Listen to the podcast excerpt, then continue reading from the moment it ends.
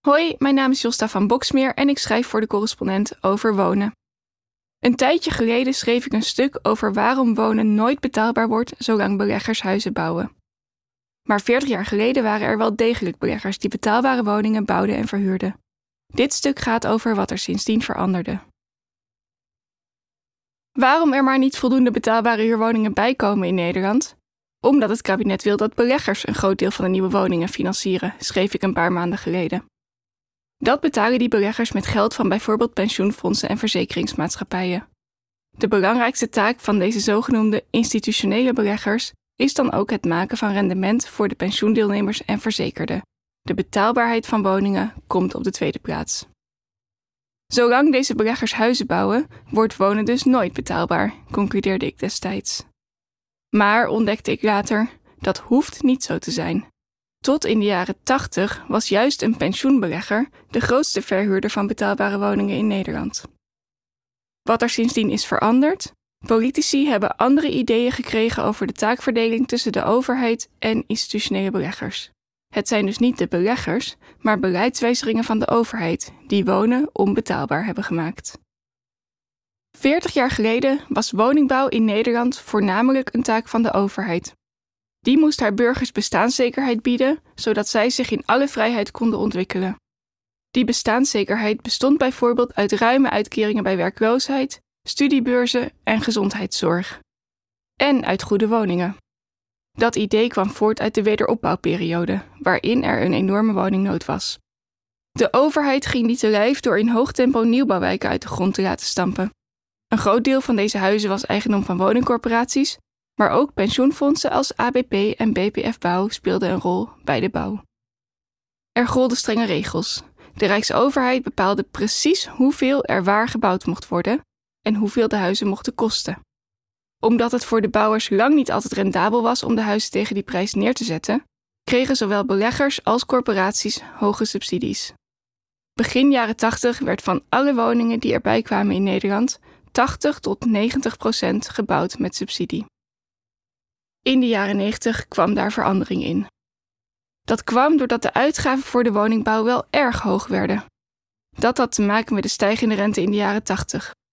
De overheid berekende pas achteraf, dus na een periode van 30 tot 50 jaar, of de subsidies voor de bouw en het beheer van woningen voldoende waren geweest. Omdat de rente steeg tot boven de 10%, viel de bouw achteraf veel duurder uit. Eind jaren 80 bedroegen de subsidies voor woningbouw daarom zo'n 14 miljard gulden per jaar, wat neerkwam op meer dan 8% van de hele rijksbegroting. En belangrijker, de politieke ideeën over wonen veranderden. Toenmalig staatssecretaris van Volkshuisvesting Eneas Heerma van het CDA vond de rol van de Rijksoverheid te groot. Volgens hem kon de gemeente, samen met de lokale woningcorporaties en beleggers, veel beter bepalen hoeveel woningen erbij moesten komen en wat voor woningen dat moesten zijn. Bovendien, vond Herma, moesten minder mensen zijn aangewezen op een huurwoning met subsidie. Woningcorporaties zouden alleen nog maar moeten bouwen voor mensen met een relatief laag inkomen. De rest werd aangemoedigd een huis te kopen. Dat zou mensen in staat stellen eigen kapitaal op te bouwen, was de gedachte, en dus minder afhankelijk te worden van de overheid. Halverwege de jaren 90 leidde dit tot een grote omwenteling in het woonbeleid. De rijkssubsidies voor de woningbouw verdwenen, woningcorporaties en beleggers moesten voortaan op eigen benen staan. Het kabinet schafte ook een deel van de regels voor de hoogte van de huren af. Vanaf 1994 golden die alleen nog onder een bepaalde grens. Daarboven konden verhuurders de marktprijs vragen. Nu de subsidies van de baan waren, moesten woningcorporaties en beleggers anders gaan werken. Woningcorporaties fuseerden. Op die manier hoopten ze efficiënter te kunnen werken en de bouw van woningen makkelijker te financieren. Ze kregen een nieuw soort managers die geld ophaalden bij commerciële banken. In de hoop er geld mee te verdienen, gingen ze investeren in duurdere woningen en soms in risicovolle projecten die wijken levendiger moesten maken. Later zou dat uitmonden in een aantal grote schandalen, waarvan de verbouwing van het cruiseschip de SS Rotterdam en het derivatendrama bij Vestia de bekendste waren. Pensioenfondsen en verzekeringsmaatschappijen besloten dat ze de woningen waar ze in belegden niet langer zelf in bezit wilden hebben. Dat was duur, want tot op dat punt hadden ze zelf alle mensen in dienst die nodig zijn voor de bouw en het beheer van huizen, van projectontwikkelaars tot verwarmingsmonteurs. In plaats daarvan richtten ze zelfstandige bedrijven op die de woningen gingen financieren en verhuren. Deze bedrijven konden geld van meerdere pensioenfondsen en verzekeringsmaatschappijen beleggen en werkten daardoor efficiënter. Het ABP bracht zijn woningen onder bij Vesteda. Het vastgoed van BPF Bouw ging naar Bouwinvest. Zij zijn nog steeds de twee grootste woningbeleggers van Nederland, met samen bijna 50.000 woningen in bezit. Doordat ze in één keer grote hoeveelheden geld konden aantrekken, gingen de nieuwe beleggers ook anders bouwen. Ze konden nu binnen korte tijd hele woonwijken optrekken. Gemeenten zaten daar ook op te wachten, want er was veel te doen. Nadat in de jaren 70 en 80 veel mensen waren weggetrokken uit de grote steden, waren gemeenten bezig met een opknapronde om de binnensteden weer aantrekkelijk te maken. Het Java-eiland in Amsterdam was eind jaren 90 een van de eerste woonwijken die op deze manier werd gebouwd. De gemeente was bezig met een grootschalige vernieuwing van het oostelijk havengebied, waar het eiland onderdeel van uitmaakt. Bouwinvest financierde ongeveer de helft van de woningen en heeft die nog steeds in bezit. Wat in dat voormalige havengebied ook te zien is, de nieuwe beleggers hadden een voorkeur voor luxe woningen. Vesteda zette tegenover het Java-eiland langs de zuidelijke oever van het ei luxe woontorens neer, compleet met zwembaden, sauna's en fitnessstudio's. Hetzelfde gebeurde aan de Amsterdamse Zuidas en op de Kop van Zuid in Rotterdam. Dat had te maken met de verwachtingen van waar huurders naar op zoek waren. Astrid Schluter, die nu COO is bij Vesteda, zegt: Beleggers dachten, ouderen gaan een huis verkopen en dan in een luxe huurwoning zitten. De trend van gebouwen waarin alle services aanwezig waren, was komen overwaaien uit de Verenigde Staten. Maar, voegt Schluter eraan toe, de managers die de nieuwe beleggers bestuurden, hadden ook zelf een voorkeur voor prestigieuze gebouwen. Ze zegt: Ik denk dat ze niet echt met de voeten in de klei stonden.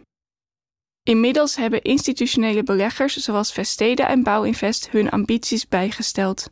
Onder druk van de woningnood en de verwachtingen vanuit de politiek willen ze nu bouwen voor mensen die te veel verdienen voor een sociale huurwoning, maar ook geen huis kunnen kopen. Voor de middeninkomens dus. Alleen de voorliefde voor prestigieuze projecten uit de jaren 90 was niet de enige reden waarom wonen duur werd. Onder invloed van de regels die het sinds de jaren 70 aantrekkelijk maakten om woningen te kopen, schoten de huizenprijzen namelijk de lucht in. Dat kwam doordat er niet in één keer veel meer woningen bijkwamen, maar huizenkopers wel meer konden betalen. Die gestegen prijzen hebben ook effect op de bouw van huurwoningen. De grondprijzen die gemeenten en ontwikkelaars vragen, zijn namelijk gebaseerd op de marktwaarde, dus op wat grond in theorie op zou kunnen brengen als er koophuizen op zouden komen. En doordat koopwoningen duurder zijn geworden, is ook de prijs van grond torenhoog. Daarnaast stelt de WOZ-waarde van een woning sinds 2015 mee bij het bepalen van de huur van een sociale huurwoning.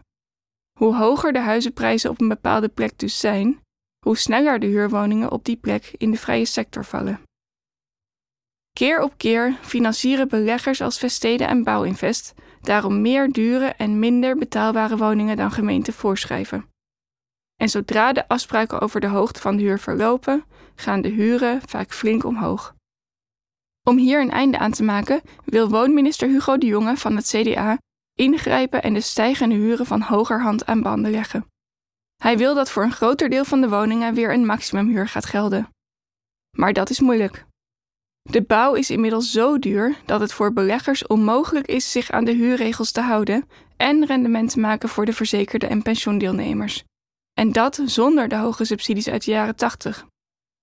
Wat ook niet helpt, is dat steeds meer Nederlandse huurwoningen eigendom zijn van buitenlandse beleggers. Die zijn vooral de afgelopen tien jaar naar Nederland gekomen. Dat had er onder andere mee te maken dat toenmalig woonminister Stef Blok van de VVD de rol van woningcorporaties verder inperkte en er dus steeds meer ruimte kwam voor beleggers.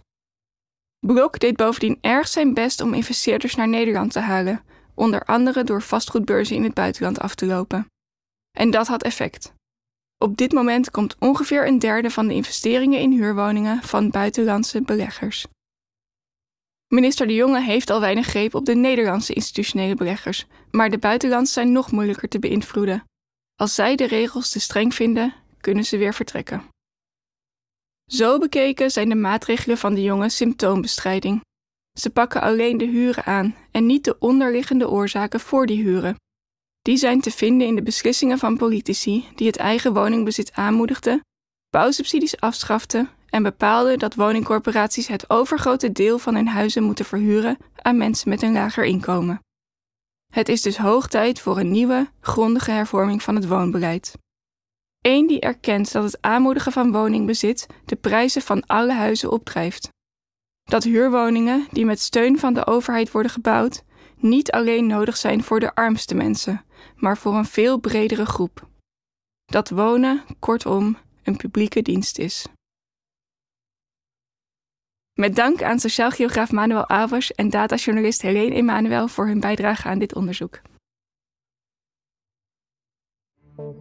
Het is de missie van de correspondent om voorbij de waan van de dag te gaan. Onze correspondenten voorzien het nieuws van context en schrijven over de grote thema's van deze tijd. De correspondent geeft me de vrijheid om mijn nieuwsgierigheid te volgen en de tijd om verhalen te schrijven. En zo probeer ik onzichtbare structuren zichtbaar te maken en een andere kijk te bieden op debatten die het nieuws domineren. Dan gaat het minder over het spelletje en veel meer over wat er op het spel staat.